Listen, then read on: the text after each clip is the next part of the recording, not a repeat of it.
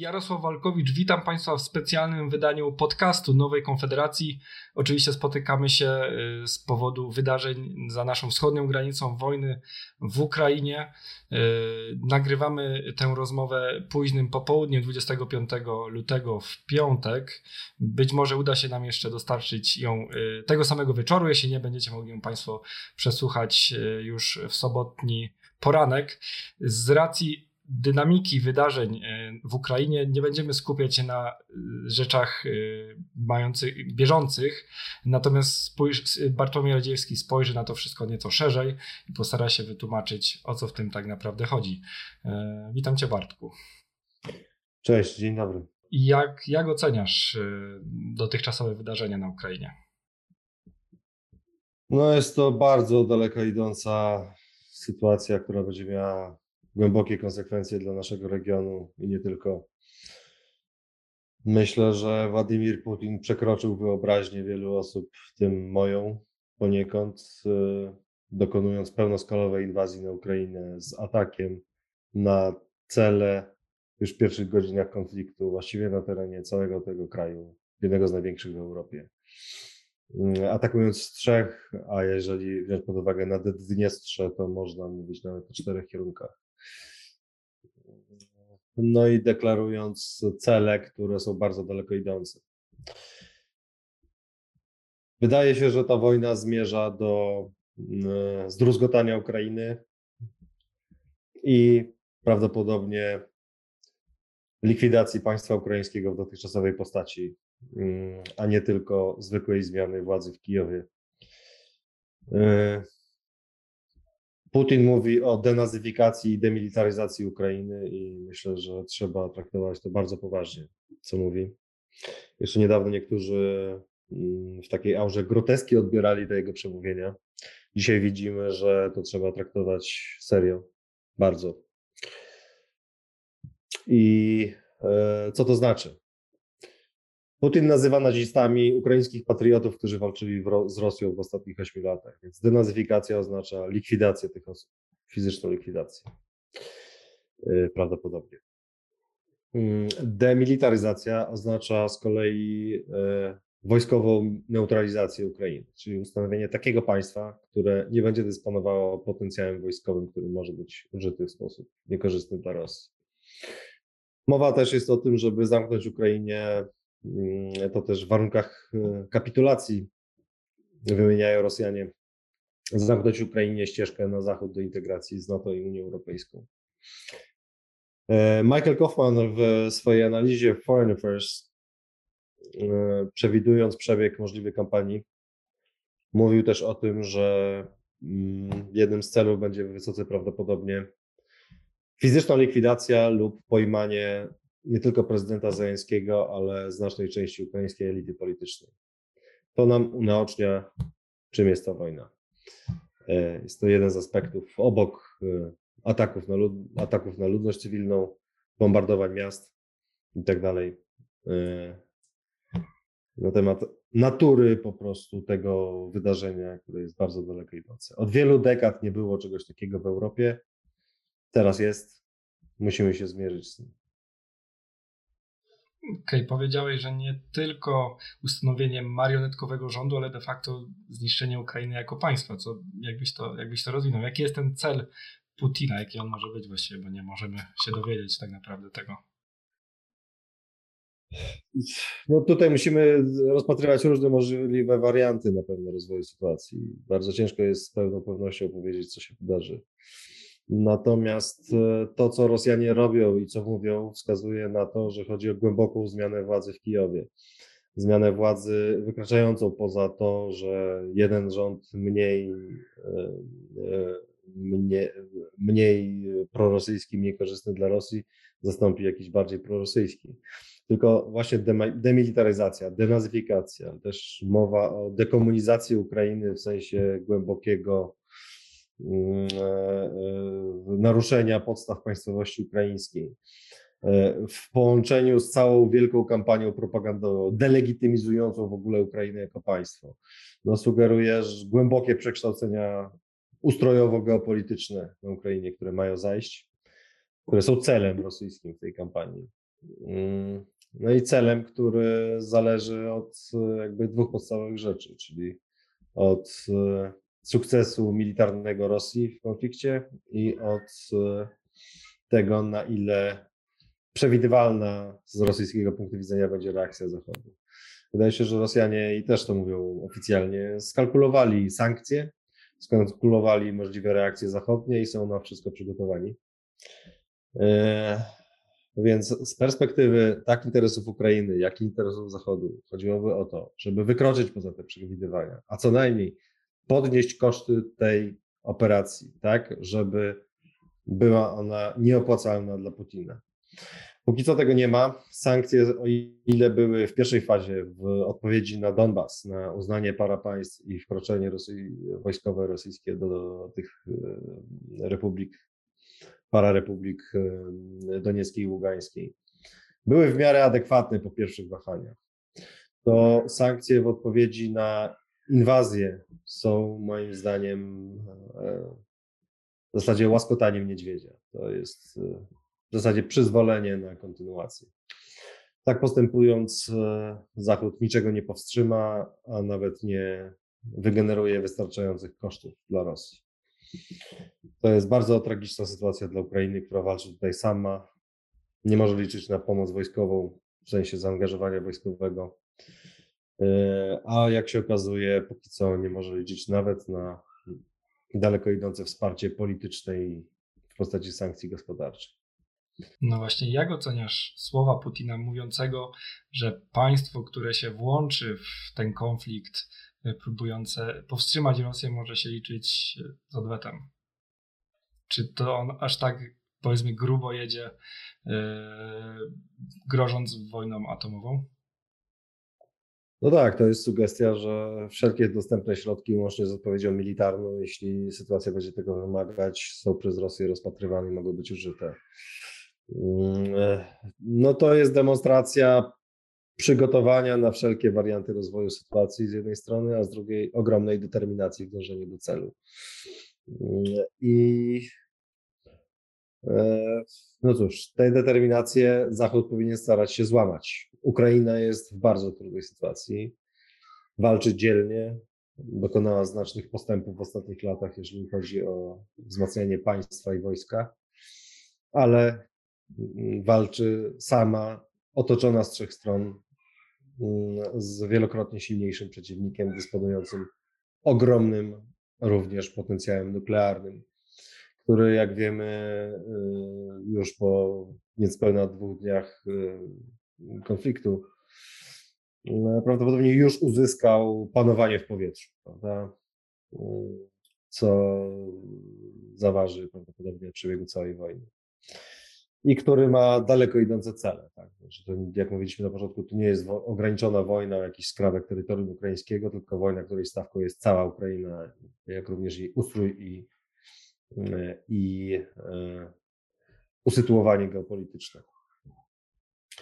E, no i to jest coś, co domaga się bardzo stanowczej reakcji Zachodu, który współodpowiada za tę sytuację, który poniekąd współdoprowadził do tej sytuacji z jednej strony kusząc Ukrainę przez wiele lat z członkostwem e, w NATO, w Unii Europejskiej, integracją gospodarczą, wsparciem wojskowym itd. Tak z drugiej strony prowadząc cały czas interesy z Rosją, pozwalające reżimowi Putina konsolidować się, rosnąć, krzepnąć, bogacić. No a z trzeciej strony, w tym pierwszym punkcie, nie idąc na tyle daleko, żeby zapewnić Ukrainie efektywne bezpieczeństwo, i efektywną siłę do wytrzymania takiej rosyjskiej reakcji, a jednocześnie prowokując tę rosyjską reakcję. Tak, to znaczy y, Rosja od dawna komunikowała, że nie będzie bezczynnie patrzeć na wzmacnianie wojskowe Ukrainy i przyciąganie jej na zachód i było wiadomo, że prędzej czy później coś zrobi. Wyraźnie Zachód nie doszacował skali możliwej rosyjskiej reakcji. Natomiast teraz y, to jest coś, co domaga się reakcji Zachodu. Mm, domaga się użycia wszelkich dostępnych środków, żeby uczynić tę wojnę nieopłacalną dla Putina. Tych środków póki co nie ma. E, no i trudno powiedzieć, czy będą. No właśnie, jak oceniasz w ogóle odpowiedź Zachodu?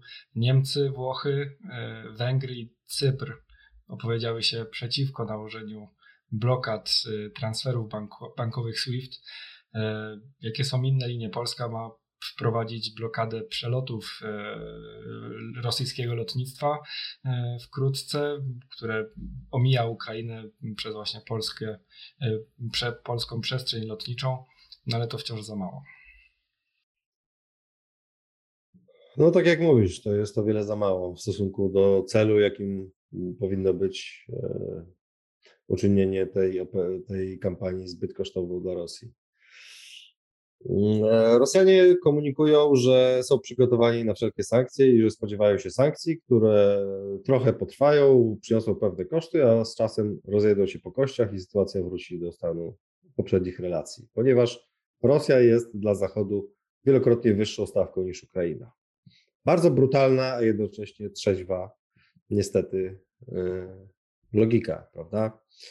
E, no i nic, co Zachód zrobił do tej pory, nie wykracza poza tę logikę. To znaczy, nie widać tutaj determinacji e, wykraczającej poza to, czego mogą się spodziewać Rosjanie, a nawet bym powiedział, że to, co obserwujemy w ostatnich dniach, już po agresji wojskowej na Ukrainę sensu stricte, mm, jest prawdopodobnie poniżej rosyjskich oczekiwań. Myślę, że mogli się liczyć z dużo większymi kosztami. Problem polega na tym, że mm, e, nie wchodzi w ogóle w grę i to jest jasne od początku dla wszystkich zorientowanych w temacie, e, zaangażowanie wojskowe na Ukrainie. Ukraina będzie walczyć, walczy i będzie walczyć sama. Natomiast to, co Zachód mógłby zrobić, to rzeczywiście przycisnąć Rosję gospodarczo. Sytuację skomplikowały Chiny swoim wsparciem faktycznym dla Rosji w tej sytuacji. Natomiast e, wciąż Rosja jest wysoce zależna od gospodarek zachodnich od tej części gospodarki światowej, którą Zachód kontroluje. Jest około dziesięciokrotnie w, samym tylko handlu bardziej zależna od Unii Europejskiej niż odwrotnie. Zachód ma instrumenty w obszarze surowców, handlu, w obszarze e, rynków finansowych, kapitałowych i tak dalej, jak również w obszarze, i tu też powinna nastąpić odpowiedź, e, wzmacniania wschodniej flanki NATO oraz majątków e, Rosjan, zwłaszcza rosyjskich oligarchów, żeby przycisnąć Rosję, naprawdę przycisnąć Rosję. To, co powiedziałeś, pokazuje na to, że część krajów Unii i nie tylko, wciąż ma dużą ochotę flirtować i utrzymywać relacje z Rosją, że ich determinacja nie wzrosła wystarczająco. E, e, I to jest coś, co pogłębia tragizm położenia Ukrainy w tej całej sprawie, niestety te słowa nie napawają niestety optymizmem, ale czy my, Polska ma się mm, czego obawiać w tym momencie? Już y, może jeszcze zostawmy na chwilę moment, kiedy Ukraina zostałaby włączona, tak jak Białoruś, w część Federacji Rosyjskiej, nieoficjalnie, ale czy w tym momencie jako państwo możemy się czegoś y, obawiać?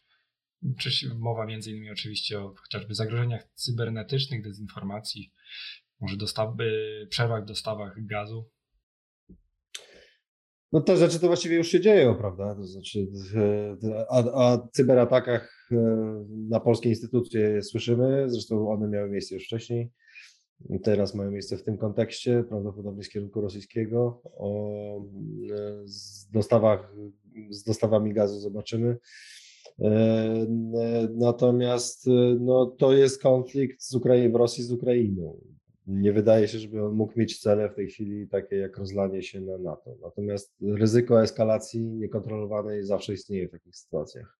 Myślę, że ono jest stosunkowo niskie. O ile nikt nie zrobi czegoś bardzo głupiego, to się nie powinno zdarzyć. Natomiast y, niech nas to nie uspokaja co do tego, że y, sytuacja geopolityczna Polski ulega bardzo daleko idącemu pogorszeniu w wyniku tej sytuacji. Z jednej strony nasze akcje rosną, bo stajemy się krajem coraz bardziej frontowym, no ale kraj frontowy to kraj dużo bardziej narażony. My jesteśmy krajem frontowym od e, dawna, ale e, o ile niedawno nasza granica z Rosją wynosiła 210 kilometrów, to jeżeli e, Białoruś, a ten proces skokowo postępuje w ostatnim czasie, prawda, w trakcie kryzysu ostatniego wewnętrznego na Białorusi, ale również w trakcie tego kryzysu ukraińskiego. E, penetracja Białorusi przez Rosję bardzo daleko postępuje. E, jeżeli Białoruś stała się już, o tym możemy mówić, w sensie operacyjno-wojskowym, terytorium do dyspozycji Rosji.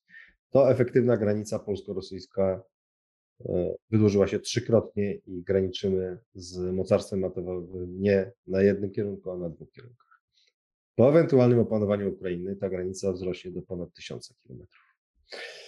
To jest wszystko e, bardzo daleko idące pogorszenie sytuacji geopolitycznej Polski. Natomiast z drugiej strony, no to oczywiście powoduje efekt taki, że od nas więcej zależy, że sojusznicy bardziej na nas patrzą, że usiłuje się wzmocnić wschodnią flankę NATO, przede wszystkim nas, kraje bałtyckie, ale też Rumunię, żeby, mm, e, żeby odpowiedzieć jakoś na te rosyjskie dążenia. Natomiast ta odpowiedź jest wciąż dalece niewystarczająca. Rosjanie radykalnie zmienili ostatnio równowagę na niekorzyść NATO, jeżeli chodzi o dyslokację sił w naszym regionie. To będzie wymagało bardzo głębokiej refleksji i to jest wielkie zadanie dla polskiej elity politycznej, nie tylko politycznej, żeby dokonywać wysiłków na rzecz tego, żeby przekonywać sojuszników do tego, żeby jak najwięcej inwestowali w nas, mm, jak najbardziej doceniali zagrożenie wschodnie, ale może przede wszystkim do tego, żeby wykonać wysiłek własny, żeby wreszcie się obudzić z tej drzemki wieloletniej w przekonaniu, że tego rodzaju wojen już nie będzie. Tego rodzaju wojny są wpisane w naturę polityki. Tymczasowa ich nieobecność nie oznacza ich trwałej eliminacji. Właśnie nam Władimir Putin brutalnie o tym przypomina. To jest nowoczesna wojna wręcz w starożytnym stylu, pod pewnymi względami, ja bym powiedział. I mm, my musimy dokonać przebudzenia narodowego, żeby dokonać wysiłku własnego, który bardzo zaniedbaliśmy w ostatnich 30 latach, żeby przygotować się na coraz większe wyzwania w XXI wieku, w tym z kierunku rosyjskiego, ale nie tylko. I to przebudzenie powinno moim zdaniem e, celować w trzy przede wszystkim priorytety. Państwo, skończenie z tym paździerzem i niesterownością, którą mamy, sprawne państwo, po drugie wojsko, jak najwięcej samodzielnych zdolności, jak największa zdolność odstraszania, po trzecie dyplomacja. Efektywna, inteligentna, wielokierunkowa, odpowiadająca na wyzwania czasu. Bardzo, w bardzo dużym stopniu ostatnich 30 lat, 30 lat zostało zmarnowanych pod tym względem. Najwyższa pora, moim zdaniem, na pobudkę w związku z tym, co się dzieje na Ukrainie. I tym kończymy dzisiejszy odcinek. Będziemy e, trzymać rękę na pulsie i zachęcamy do śledzenia naszych mediów, e, gdzie również udostępniamy wpisy e, naszych ekspertów. Państwa proszę o niepanikowanie i też nie dawanie się dezinformacji. Tymczasem do usłyszenia. Dziękuję Bartłomiejowi Radziejewskiemu za głos. Dzięki Jarku. Dziękuję Państwu bardzo.